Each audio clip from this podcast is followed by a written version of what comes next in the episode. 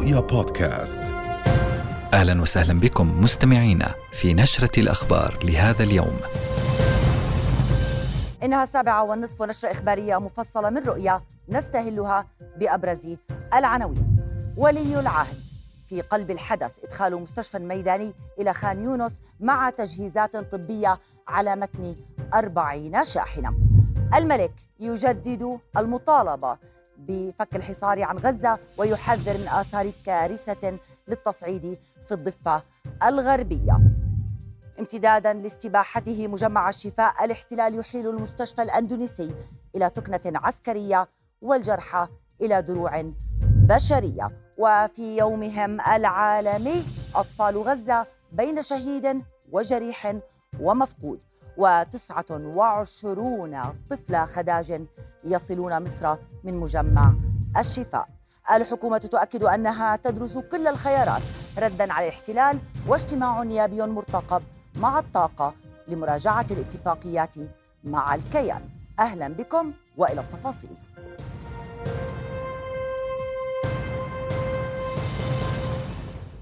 في مدينة العريش المصرية أشرف الأمير الحسين بن عبد الله الثاني ولي العهد على تجهيز وإرسال مستشفى ميداني أردني ثان إلى قطاع غزة. سيقام بسعة 41 سريرا في خان يونس خلال 48 ساعة. ووصلت إلى رفح جنوبي غزة أربعون شاحنة تحمل تجهيزات المستشفى. فيما يصله خلال يومين وفد أردني يتألف من خمسين طبيبا لبدء تشغيله. ويتكون المستشفى من أقسام الطوارئ والباطنية والعناية الحثيثة والنسائية والتوليد والخداج بسعة 41 حاضنة إضافة إلى مختبر وصيدلية وتصوير أشعة وغرفة تعقيم وغرفتي عمليات جراحية. كادر المستشفى الميداني يضم 145 فردا من الفرق الإدارية والتمريضية والطبية في مختلف الاختصاصات في الخدمات الطبية الملكية. ويعد الميداني الأردني الثاني أول مستشفى يدخل قطاع غزة منذ بدء العدوان في السابع من تشرين الأول الماضي. أكيد العملية مش سهلة بس أهم شيء المعنويات تظل عالية. إن شاء الله. إن شاء الله. إحنا زي ما بنعرف الجيش العربي ما شاء الله إحنا دائما بنقوم بالواجب. واقل شيء بنقدر نعمله إنه نحاول نساعد إخواننا في غزة فلسطين فأكيد بدنا نعمل أكثر دائما بس أنتم ما شاء الله يعني فرصة أنكم تساعدوا الناس ونقدم الشيء اللي هم محتاجين إن شاء الله. إن شاء الله. إحنا كلنا فخورين فيكم وراح نتابع كل الأمور أول بأول. أهم شيء التنسيق بيناتكم والمعنويات عالية. يعطيكم ألف عافية وإن شاء الله نشوفكم وقت قريب وبنحكي معكم. إن شاء الله. إن شاء الله.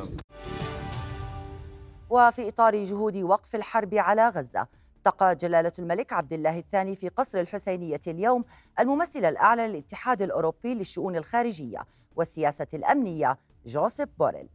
جلالته أكد على ضرورة فك الحصار المفروض على القطاع والضغط لضمان إيصال الغذاء والدواء والمياه والوقود إلى غزة. وحذر من الآثار الكارثية جراء الحرب الدائرة التي يذهب ضحيتها الأبرياء من المدنيين محذرا من مواصلة التصعيد والعنف من قبل المستوطنين بحق الفلسطينيين في الضفة الغربية. من جانبه السيد بوريل أكد أهمية دور الأردن في العمل نحو أفق سياسي لتحقيق السلام على أساس حل الدولتين. أعلنت كتائب القسام الذراع العسكري لحركة حماس أنها قصفت تل أبيب مجددا برشقة صاروخية ردا على المجازر بحق المدنيين. ودوت صفارات الإنذار في أسدود بغلاف غزة بالإضافة إلى تل أبيب ووسط الأراضي المحتلة. وأفادت وسائل إعلام بأن هذه الرشقة التي تعرضت لها تل أبيب تعد إحدى أكبر الرشقات التي تم إطلاقها باتجاه المدينة.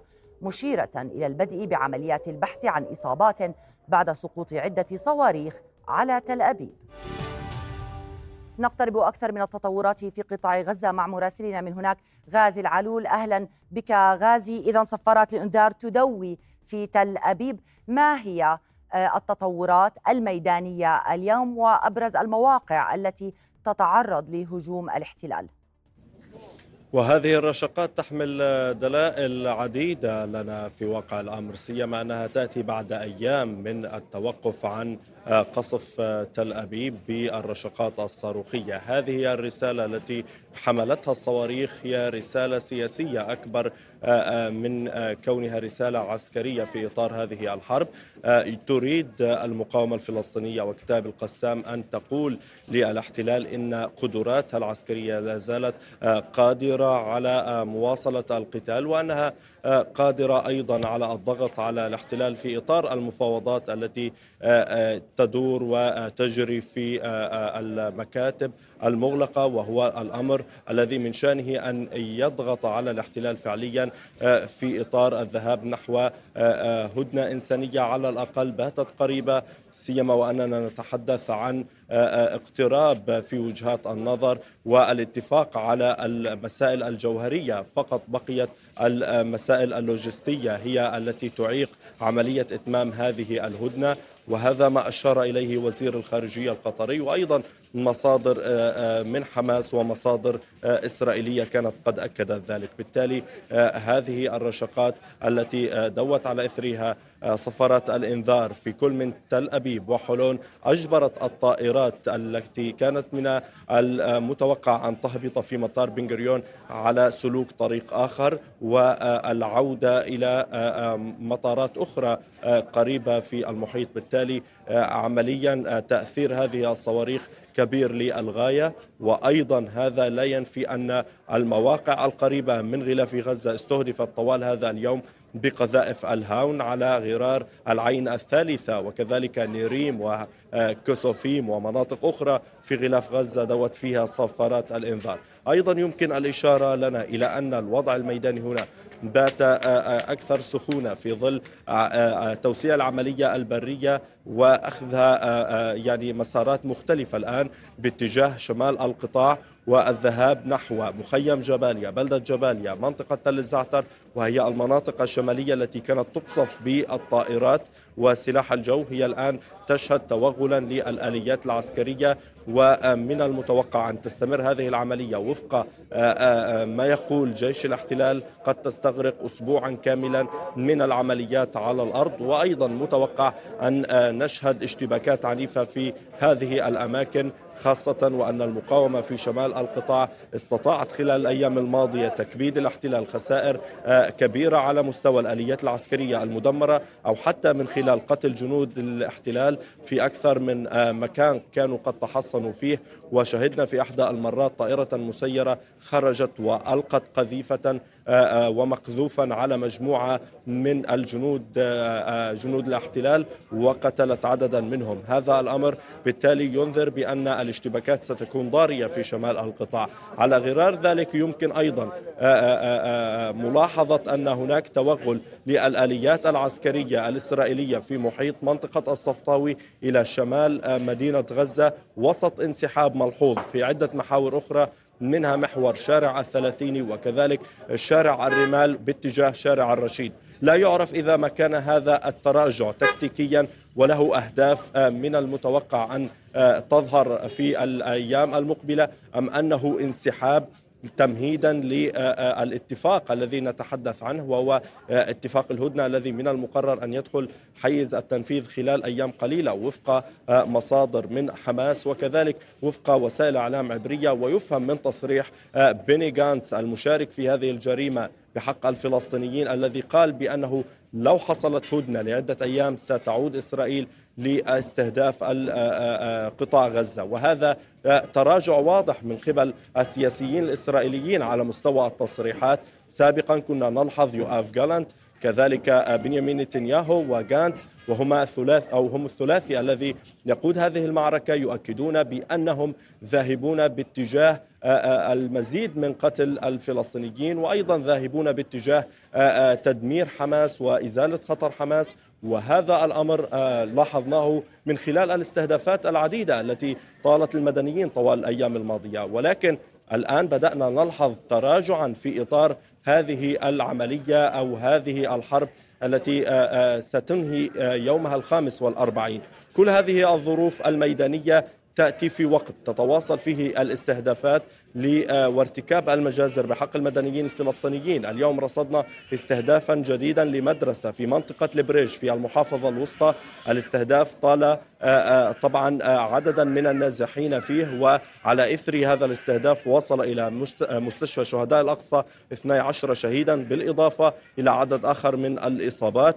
وأيضا كان هناك استهدافات مركزة على منازل مدنيين سواء كان ذلك في خان يونس أو في رفح.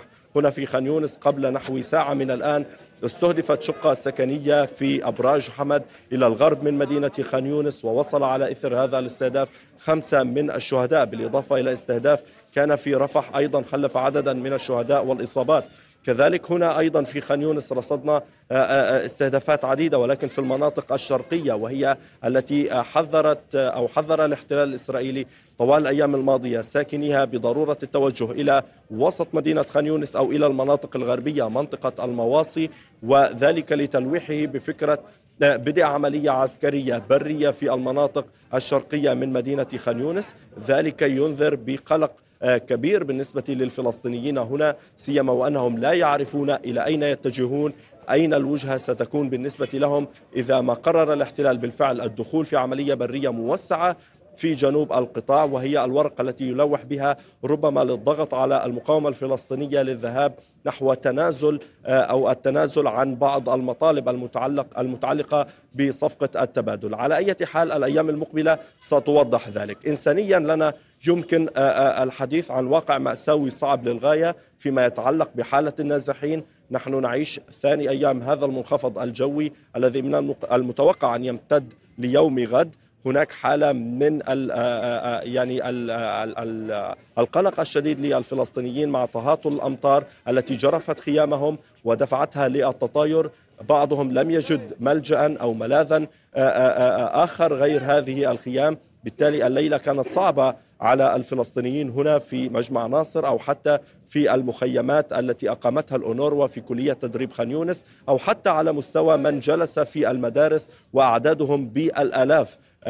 دخلت عليهم المياه وأغرقت أمتعتهم البسيطة التي حملوها معهم من شمال القطاع نعم ومدينة غازي. غزة وهذا الأمر مأساوي للغاية بالنسبة لهم ومن المقر ومن المتوقع أن يؤثر هذا المنخفض على صحة الأطفال هناك حالة من انتشار الأوبئة وانتشار كذلك الأمراض بينهم سيما الأمراض الإنفلونزا أو حتى الأمراض المعدية والفيروسية. وهو أمر مقلق بالنسبة للمنظومة الصحية المثقلة من ناحية الإصابات الكثيفة التي تصلها ونتحدث عن نسبة استيعاب كبيرة على مست... على سبيل المثال المستشفى الأندونيسي اليوم خرج بتصريح يقول إن المتواجد داخل المشفى 140 سريرا ولكن عدد المصابين نحو 700 أي أننا نتحدث عن نسبة تقدر ب 400 من المئة في إطار القدرة نعم الاستيعابية لهذا المستشفى وهو الأمر الذي ينطبق على بقية المستشفيات سيما وأن مستشفيات الجنوب هنا العاملة. استقبلت عددا كبيرا من المصابين الذين جاءوا من مجمع الشفاء الطبي من مستشفى القدس من مستشفى الرنتيسي وهي المستشفيات التي حاصرها الاحتلال خلال الأيام الماضية ودفع المواطنين فيها للذهاب باتجاه الجنوب ووصلوا إلى المستشفيات هنا. كل ذلك بالتأكيد يؤثر على المنظومة الصحية التي من المتوقع أن تنهار في أي لحظة بالتزامن مع عدم إدخال الوقود الكافي لإشغال هذه أو لتشغيل هذه المستشفيات وأيضا مع كثرة الإصابات. عمليا لاحظنا خلال اليومين الماضيين حالة من طبعا حالة من الهدوء هنا لدى المنظومة الصحية مع انخفاض وتيرة الاستهدافات في جنوب القطاع ومع استمرار عملية إخراج المرضى والمصابين باتجاه مصر وتركيا والإمارات كذلك. اليوم خرج 31 طفلا من الخدج باتجاه مصر وهو أمر يساعد في تخفيف أو التخفيف من وطأة وحدة هذه الأزمة الإنسانية بالإضافة إلى أنه إلى أن دخول المستشفى الميداني الأردني إلى قطاع غزة اليوم ووصوله وبدء العمل فيه سيساعد بكل تأكيد على التخفيف من أحمال التي تثقل كاهل المنظومة الصحية والمستشفيات هنا في قطاع غزة. هذا المستشفى الذي وصل اليوم يضم 180 طبيبا وممرضا بالإضافة إلى 40 شاحنة محملة بالمساعدات الطبية وأيضا الأجهزة الدوائية والعلاجية التي ستساعد في معالجة الإصابات الخطيرة كإصابات الشرايين العظام الحروق وأيضا إصابات متعلقة بالنساء. هذا الأمر بالتأكيد سيساعد وسيخفف من حدة الأزمة التي تعيشها المنظومة الصحية. هذه الظروف لنا بالتأكيد ستساعد في هذا الأمر. ولكن يبقى السؤال فيما يتعلق إذا ما كانت هذه الحرب ستستمر إلى أبعد من ذلك. وبالتأكيد القطاع يحتاج للكثير من المساعدات والشاحنات. وأيضا يمكن القول بأن المساعدات التي نعم وصلت لا تكفي ولكن هناك احتياج حقيقة لنا. نعم وسنبقى دائما على اتصال معك غازي العلول مراسلنا في قطاع غزة.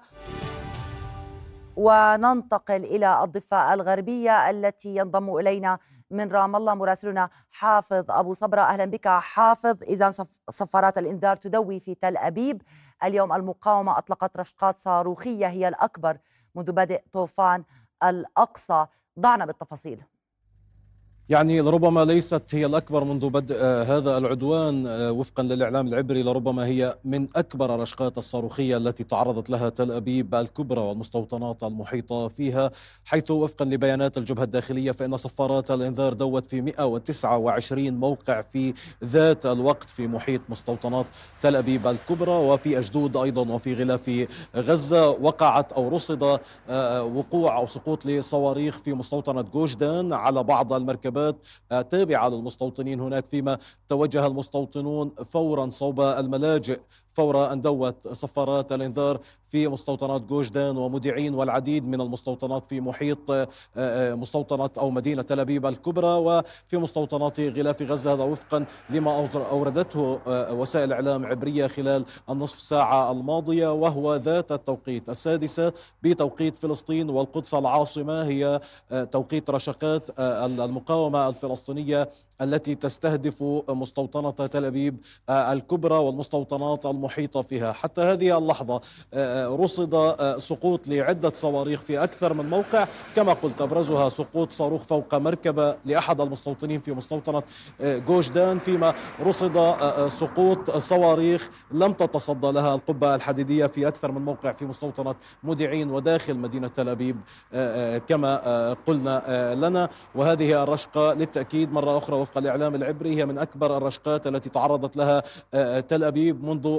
مطلع هذا العدوان وعلى الإطلاق خلال العدوانات الماضية. يرى محللون بأن هذه الرشقة جاءت لتؤكد بأنه بعد 45 يوما من بدء العدوان على قطاع غزة وهذا الاستهداف الكبير بالأحزمة النارية والغارات المتتالية في كل المواقع حيث جرى تسوية المباني مع الأرض في معظم مناطق شمال قطاع غزة ومدينة غزة وبعد 17 يوم من العملية البرية التي بدأها الاحتلال ويعني طالت العديد من المناطق رغم الحديث عن انسحاب لآليات الاحتلال من بعض المناطق أو تراجعها إلى الخلف. قليلا إلا أن المقاومة الفلسطينية ما زالت قادرة على أن تستهدف عمق الكيان ومستوطنات الأبيب الكبرى بهذه الرشقة الضخمة من الصواريخ. هذا يدلل وفق محللين عسكريين في وسائل إعلام عبرية على قدرات المقاومة وعلى التصريح الذي استعادوه منذ 2021 الذي قال به أبو عبيدة الناطق باسم كتائب القسام بأن المقاومة قادرة على قصف مستوطنات الداخل المحتل وعمق الكيان لستة أشهر متواصلة نعم آه، حافظ تحدث مراسلنا غازي العالول عن هدنة إنسانية منتظرة وصفقة لتبادل الأسرى كيف تتعاطى وسائل الإعلام العبرية مع هذا الملف؟ يعني أبرز سياق تتحدث عنه وسائل الإعلام العبرية هو هذا الخلاف الذي يعني يأتي في مجلس الحرب الإسرائيلي. نتنياهو وبقية الأطراف مع جالنت وجانتس الذين أو لنقل نتنياهو وجالنت الذين يرفضون حتى هذه اللحظة إيقاف إطلاق النار والموافقة على صفقة إنسانية. وجانتس من ناحية أخرى الذي لربما يعني يرتئي لاستطلاعات الرأي التي ترشحه ليكون رئيس الوزراء بعد أن تنتهي الأمور ويذهب يذهب نتنياهو إلى المحاكم والقضاء ويحصل على مصيره الذي يتوقعه الشارع الإسرائيلي. جانتس يريد صفقة تهدئ من روع الشارع سيما أنه مشتعل في ظل مطالبات آه، من عائلات الأسرى الإسرائيليين من المستوطنين والجنود لدى فصائل المقاومة في قطاع غزة على الاحتلال. بعد قليل من المفترض أن يلتقي نتنياهو وأعتقد جانتس وجالانت سيكونون معه مع عائلات هؤلاء الأسرى وسيجرى بحث ما توصل إليه مجلس حرب الاحتلال في ساعة متأخرة من الليلة الماضية فيما يتعلق على البنود التي وافق عليها حتى اللحظة أو ما لم يوافق عليه. هناك حديث في وسائل الإعلام العبرية على أن حماس حتى اللحظة ترفض أن يتجاوز عمر الذين ستفرج عنهم من الأسرى لديها آه، سبعة عشر عاما. آه، يعني أكثر من 17 عاما لا تريد الإفراج عنهم تريد الإفراج عن صغار السن وعن النساء في مقابل أن يفرج الاحتلال في خطوة أولية عن 100 أسير فلسطيني. ستحدد أسماؤهم وسترفع للحكومة لتصادق عليها. بعد ذلك سيصادق عليها رئيس الكيان. ومن ثم ستعود للحكومة لمصادقة أخيرة في خطوة سيقوم آه، ستقوم العملية بدونها وهي خطوة أن تحول الأسماء لوزارة القضاء. ليتم نشرها واستقبال الاعتراضات عليها من قبل المواطنين أو نعم المستوطنين حافظ. الإسرائيليين. وهذه الخطوة في ظل حالة الحرب وقانون الطوارئ المعلن لربما مستثنى وستأتي مصادقة الحكومة نعم. ورئيس الكيان عليها أكتفي بهذا القدر سريع حافظ. وبوقت قياسي في حال الوقت. التوصل بشكل مباشر إلى هذه الموافقة والتهدئة. نعم شكرا لك مراسلنا من نابلس حافظ أبو صبرة. وفي ظل المأساة الإنسانية التي تتفاقم في مستشفيات القطاع قال المتحدث باسم وزارة الصحة في غزة أشرف القدرة إن الاحتلال يحول المستشفى الأندونيسي إلى ثكنة عسكرية بعد جرائمه في مستشفى الشفاء. وفي الوقت الذي يجري فيه التنسيق مع الصليب الأحمر لإجلاء جرحى عالقين داخل المستشفى عبر القدرة عن المخاوف عن ارتكاب الاحتلال أي حماقة بحق من يتم إجلاؤهم من المستشفى. قائلا لا ضمانات بشأن ممر آمن لإجلاء الجرحى والنازحين. وبهذا الصدد لفت القدرة إلى أن الاحتلال يتخذ المرضى والجرحى دروعا بشرية كما فعل في مستشفى الشفاء. وحول العالقين في مجمع الشفاء الطبي أكد أن لجنة من الأمم المتحدة زارت المجمع لكن لا جديد بشأن إجلاء العالقين البالغ عددهم 259 جريحا ومريضا وحالتهم مأساوية بدون ماء أو كهرباء أو غذاء. 29 طفلا من الخدج الذين تم إجلاؤهم من مجمع الشفاء الطبي شمالي قطاع غزة. وصلوا إلى مصر عبر معبر رفح الحدودي لتلقي العلاج وفقا لوسائل إعلام مصرية. إجلاء الأطفال الخدج من مجمع الشفاء الطبي أحد أكبر مستشفيات القطاع جاء بعد أن حوله الاحتلال إلى مركز للعمليات العسكرية في الأيام الماضية بعد أن أمر جيش الاحتلال بإخلائه. وكان مدير المستشفيات في قطاع غزة محمد زقوط أكد أمس إجلاء 31 طفلا من المستشفى ومعهم ثلاثة أطباء وممرضون. وصل منهم 29 فقط إلى معبر رفح دون معرفة الأسباب حتى اللحظة. ولدت خامس يوم الحرب آه، في مستشفى الشفاء الطبي. جبت توأم ميرا وذهب. إيه، أنا ولدت من هنا وضلوا البنات في الحضانة وأنا رجعت تاني على الشمال على الشمال. رجعت عندي على بيتي في الصفطاوي. ولكن بعد هيك نزحت بعد يومين لأنه صار في ضرب إطلاق نار قوي في الصفطاوي فنزحت على معسكر جباليا برضه هناك في معسكر جباليا ما كان كثير آمن فاضطرينا إنه أنزح من معسكر جباليا على على جنوب قطاع غزة. اليوم هي أول مرة أتمكن فيها أشوف بناتي من بعد 39 يوم من من الولادة. فكان شعور الخوف والقلق والحالة النفسية صعبة. عندنا لأن أنا ما تمكنت أشوف بناتي وكانوا موجودين في مجمع الشفاء الطبي وكان معرضين لاي في أي دقيقة للخطر. يعني لأنه كان موجود إطلاق نار بالقرب من الشفاء وفيها وحواليها. فكان القلق والخوف مسيطر علينا. وفي يومهم العالمي يمسي أطفال فلسطين شهداء أو جرحى أو مفقودين مع تسجيل 5500 طفل شهيد منذ أحداث السابع من أكتوبر. شكلت عمان استراحة محارب للجراح البريطاني الفلسطيني الدكتور غسان أبو ستة بعد أن أمضى أسابيع في محاولة إنقاذ عشرات الجرحى الغزيين تحت نيران الاحتلال في القطاع المحاصر. مباشرة ينضم إلينا الدكتور غسان أهلا بك. بالبداية صف لنا معركة إنقاذ الجرحى في ظل الإمكانات شبه المعدومة واستهداف المستشفيات في القطاع. كان في من بداية الحرب استهداف متعمد كجزء أساسي من الاستراتيجية العسكرية الإسرائيلية لتدمير القطاع الصحي الفلسطيني. فخلال الحرب كان في صعوبة متزايدة لتقديم الخدمة الطبية. غير الأعداد الهائلة من الجرحى هلأ وصلوا أكثر من 30 ألف. فمع تزايد عدد الجرحى كان في استهداف للمستشفيات. حتى آخر مستشفى تركته آه، آه، كان المستشفى المعمداني بعد ما انتهى من الأدوية ومعدات التخ...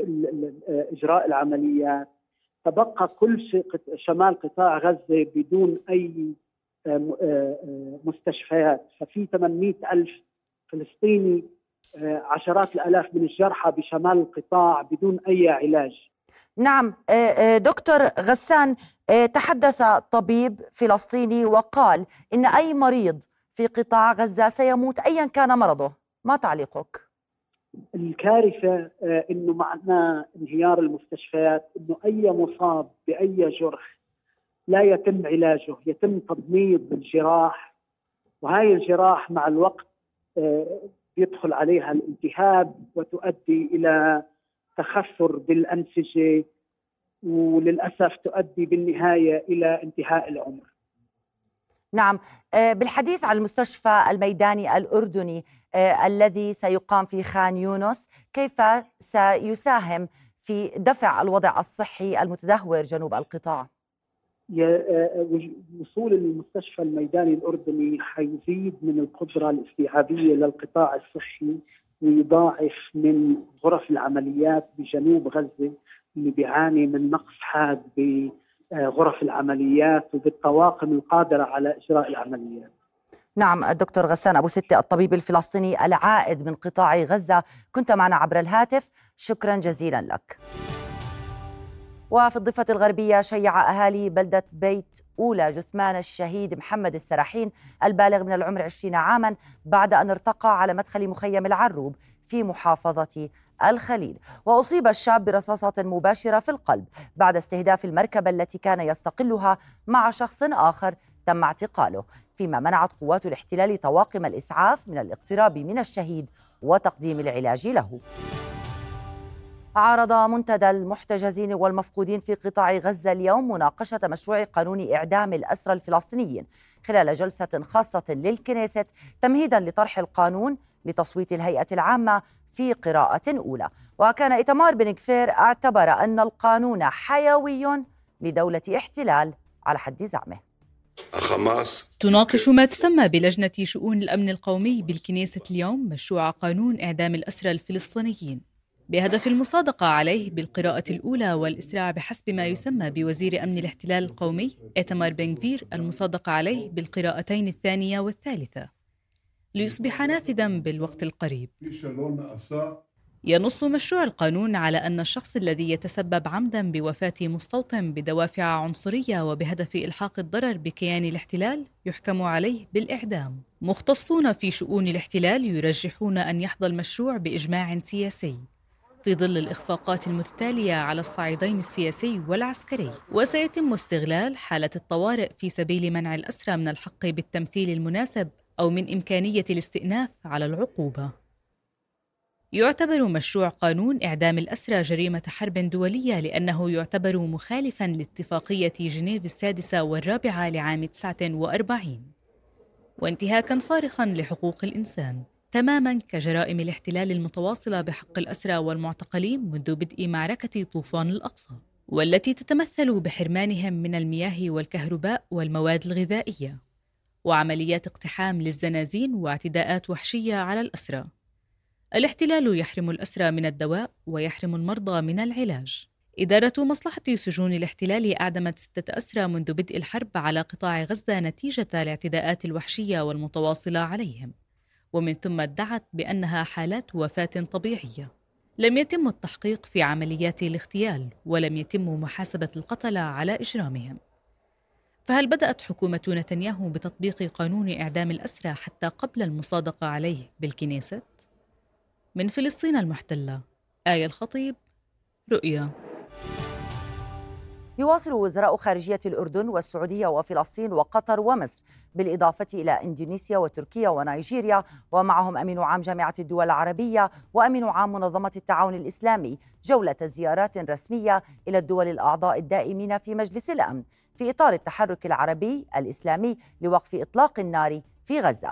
ويأتي هذا التحرك انفاذا لقرار التكليف الصادر عن القمة العربية والإسلامية المشتركة التي عقدت في الرياض الشهر الحالي. لا يهم إن دمر قطاع غزة بأكمله. ليست مشكلة أن يقتل آلاف البشر حتى لو كان نصفهم اطفالا.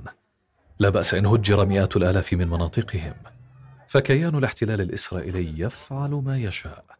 أو هكذا يبدو المشهد على الأقل. فرغم فداحة ما يرتكبه بحق الفلسطينيين إلا أن العالم ومجالسه الدولية لم يستطع إيقاف جنونه الحربي. من الصين. بدأ وفد عربي إسلامي حراكا دبلوماسيا محوره غزة في مسعى لوقف إطلاق النار واتخاذ إجراءات رادعة لجرائم الاحتلال الإسرائيلي بحق الفلسطينيين فضلا عن تأمين ممرات إغاثية عاجلة لدعم القطاع المحاصر. وفي هذا الإطار آه، لا شك أننا مقدرون لما تم في آه، آه، مجلس الأمن من قرار صدر خلال الرئاسة الصينية ومع ذلك لازلنا نحتاج المزيد من الجهد ومزيد من التعاون ونطمح إلى التعاون مع أصدقائنا في الصين وكل الدول التي تتحلى بمسؤولية وتقدر خطورة الموقف للعمل على إنهاء هذه الأزمة وهذا الوضع الخطير في أسرع وقت. وزير الخارجية الصيني وانغ يي طالب المجتمع الدولي باتخاذ إجراءات عاجلة لوقف الكارثة الإنسانية التي تتكشف في غزة لافتا إلى أن الوضع في القطاع يؤثر على كل البلدان في جميع أنحاء العالم ويعيد النظر في مبدأ الخير والشر والمبادئ الأساسية للإنسانية. في ظل ما يجري في غزة وعموم الأراضي الفلسطينية المحتلة لابد أن وزير الخارجية الصيني يدرك تماما أن تطبيق المبادئ الإنسانية يعتمد على أي نوع من البشر أنت وإلى من تنتمي وفيما يصم الغرب أذنيه عن سماع صوت السلام ويدعم ضجيج الحرب. يدور الحراك العربي الإسلامي اليوم في فلك الأعضاء الدائمين بمجلس الأمن القوى العظمى في العالم. رغم حسن النوايا العربية الإسلامية فإن التعويل على الصين أو روسيا التي تخوض حربا مع أوكرانيا أو على الولايات المتحدة الداعم الأكبر للكيان أو فرنسا أو بريطانيا لإنصاف الفلسطينيين هو أمر يشي بفشل المسعى وضعف النتائج. المزيد أخبار رؤية يأتيكم بعد فاصل قصير. ابقوا معنا.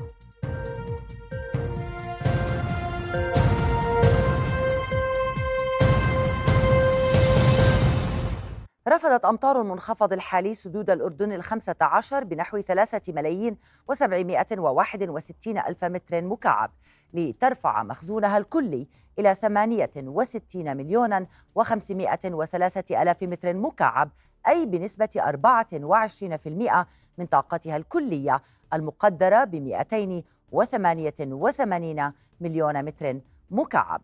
وزارة المياه والري ذكرت أن الهطول شمل معظم مناطق المملكة وأدى إلى جريان الأودية وتدفق كميات جيدة صوب السدود. وكان أعلاها في سد الفيدان في وادي عربة الذي وصل إلى أقصى طاقة تخزينية بعد أن تدفق صوبه مليون وثلاثمائة وخمسة عشر ألف متر مكعب. أما سد الملك طلال فجمع 684 ألف متر مكعب بنسبة تخزين تصل إلى 37% وفي سد الموجب وصلت نسبة التخزين إلى 74% بعد تخزين 542 ألف متر مكعب. بعد أن دهمتها مياه الأمطار أخلت كوادر الدفاع المدني في الكرك عائلة تسكن خيمة في منطقة زحوم إلى إحدى الجمعيات في بلدة أدر إلى حين تأمينها بمنزل بمنزل مستأجر على نفقة مديرية التنمية الاجتماعية وفقا لما وعدت. رؤيا كانت نقلت معاناة العائلة المكونة من سبعة أفراد في كانون الثاني يناير الماضي وقدمت حينها التنمية الاجتماعية كرفانا لا يتسع للأسرة التي تعتمد في عيشها على 90 دينارا هو راتب معيلها على حد قوله. وشهدت محافظة الكرك أمطارا غزيرة بمعدل 42 ملم في الساعات الأربع والعشرين الماضية. وصلنا العائلة والحمد لله رب العالمين. أمورهم الصحية تمام. تم التنسيق مع التنمية الاجتماعية بهذا الخصوص وأعطونا آه، بعض الاقتراحات منها أنه يستأجروا العائلة لمدة ثلاث شهور على حساب التنمية الاجتماعية. والبديل الآخر الإجراء السريع الآن للمعالجة إنهم يتم ترحيل الأسرة هاي لموقع جمعية أدر الخيرية مبدئيا الحين انتهاء من الظروف الجوية الحالية وإن شاء الله إنه نتمنى من الإخوان جميعا والأهالي إنهم يتقيدوا بتعليمات مديرية الأمن العام والدفاع المدني بخصوص الابتعاد عن مجال السيول. نشر المتحدث العسكري باسم الحوثيين العميد يحيى سريع في تغريدة على موقع إكس فيديو للعملية العسكرية التي تمت خلالها السيطرة على السفينة الإسرائيلية يوم أمس في البحر الأحمر. ونعود مباشرة إلى مطار ماركا العسكري آه الذي هبطت فيه قبل قليل طائرة عسكرية أردنية تقل مجموعة من الأردنيين الذين كانوا يقيمون في قطاع غزة. ونذكر بأن وزارة الخارجية وشؤون المغتربين أعلنت أن عدد المسجلين من الأردنيين الذين كانوا يقيمون في قطاع غزة وسجلوا على قوائمها يبلغ عددهم 741 شخصا حتى هذا اليوم.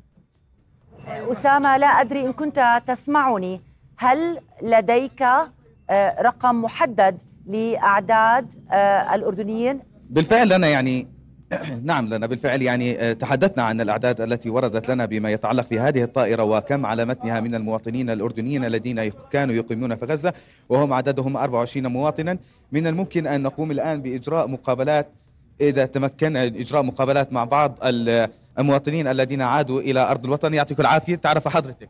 تسلم العزازي تحكي لنا كيف كانت الأوضاع في غزة وكيف تمكنتوا من الوصول إلى آه، مصر ومن ثم العودة إلى الأردن؟ والله هو بشكل عام يعني الأوضاع صعبة. يعني أنا أخذت ثلاث مواصلات لغاية ما أطلع من خان يونس لرفح بس الوضع مأساوي. يعني إحنا طلعنا وأنا تركت أهلي وراي أمي وأبوي وإخواني وخواتي. ما تمكنوا من الخروج من من غزة نهائيا؟ يعني لأنه ما بيملكوا جنسيات؟ لا أنا أهلي جوازات فلسطينية. أنا أخذت الجنسية من زوجي. أنا أصلا غزاويه الحمد لله على السلامة. شكرا. يعني لا شك أسامة أن لكل واحد من هؤلاء العائدين قصة آه، آه، فيها ألم وفيها وجع. آه، نتابع وصولهم الآن. كما ذكرت عددهم 24 شخص. معك أسامة. نعم لنا يعني ما زلنا نتابع حتى هذه اللحظة عملية آه، آه، خروج المواطنين من الطائرة التي أقلتهم من آه، من مصر وهم المواطنين الأردنيين الذين يقيمون على الأراضي الفلسطينية وتحديدا في منطقة غزة وفي مدينة غزة بأن هناك حتى الأطفال والنساء وأيضا هنالك رعاية صحية مباشرة كانت متواجدة على متن الطائرة لتقديم الإسعافات إذا كان هنالك أي أحد يعاني من أي شيء لا سمح الله من مرض إنزال المواطنين ما زالت مستمرة. وكما ذكرنا هم عددهم 24 مواطنا. وكان قد يعني ذكر سابقا بأن الأردنيين الذين يتم إجلاؤهم مسجلون على قوائم الوزارة. وسمح لهم بالمغادرة من خلال معبر رفح. يعني أن الفريق الأردني أيضا يستقبلهم ويقدم لهم ما يلزم كما يوفر المساعدة الطبية المطلوبة. نعم إضافة أسامة. إلى العمل على تأمين عودتهم إلى المملكة الأردنية. نعم. نعم شكرا لك مراسلنا أسامة بليبلي. كنت معنا من مطار ماركا العسكري. من رؤيا نشرتنا مستمرة لكن بعد فاصل قصير.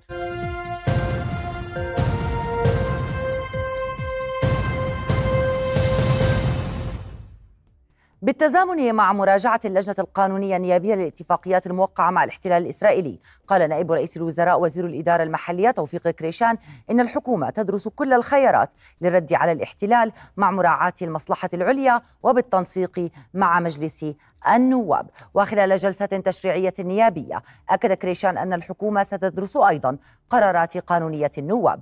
بدوره رئيس المجلس أحمد الصفدي أكد أن النواب سيكونون عند حسن ظن الشعب فيما يتعلق بمراجعة الاتفاقيات مع الكيان وسيتخذ قرارا مسؤولا بشأنها. وينتظر أن تجتمع اللجنة القانونية ضمن سلسلة لقاءاتها لمراجعة الاتفاقيات مع وزير الطاقة والثروة المعدنية ومناقشة اتفاقية الغاز الموقعة منذ عام 2016 أقر مجلس النواب بالأغلبية مشروع قانون معدل لقانون ضريبة بيع العقار لسنة 2022 بعد نقاش مستفيض وإمكانية استردادها في حال عدم اكتمال عملية البيع فضلا عن القيمة التقديرية للعقارات.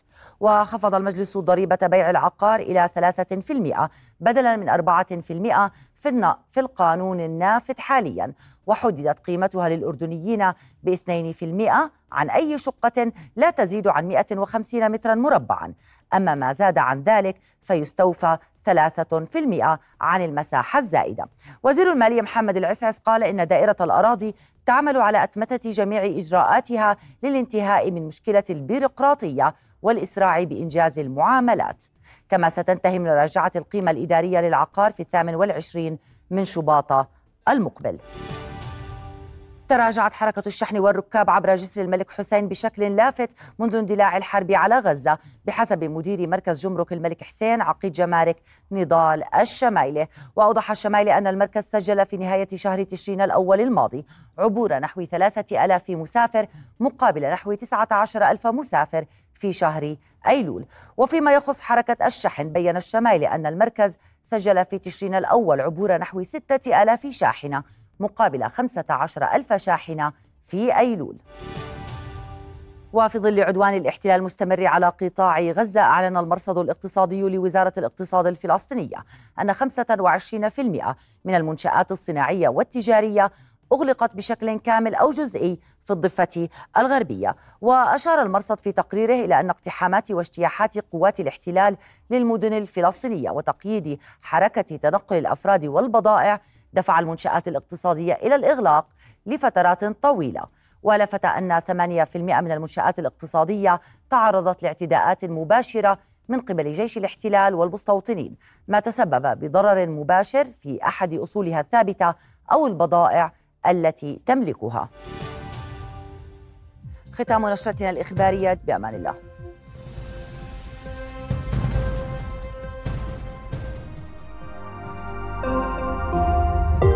رؤيا بودكاست.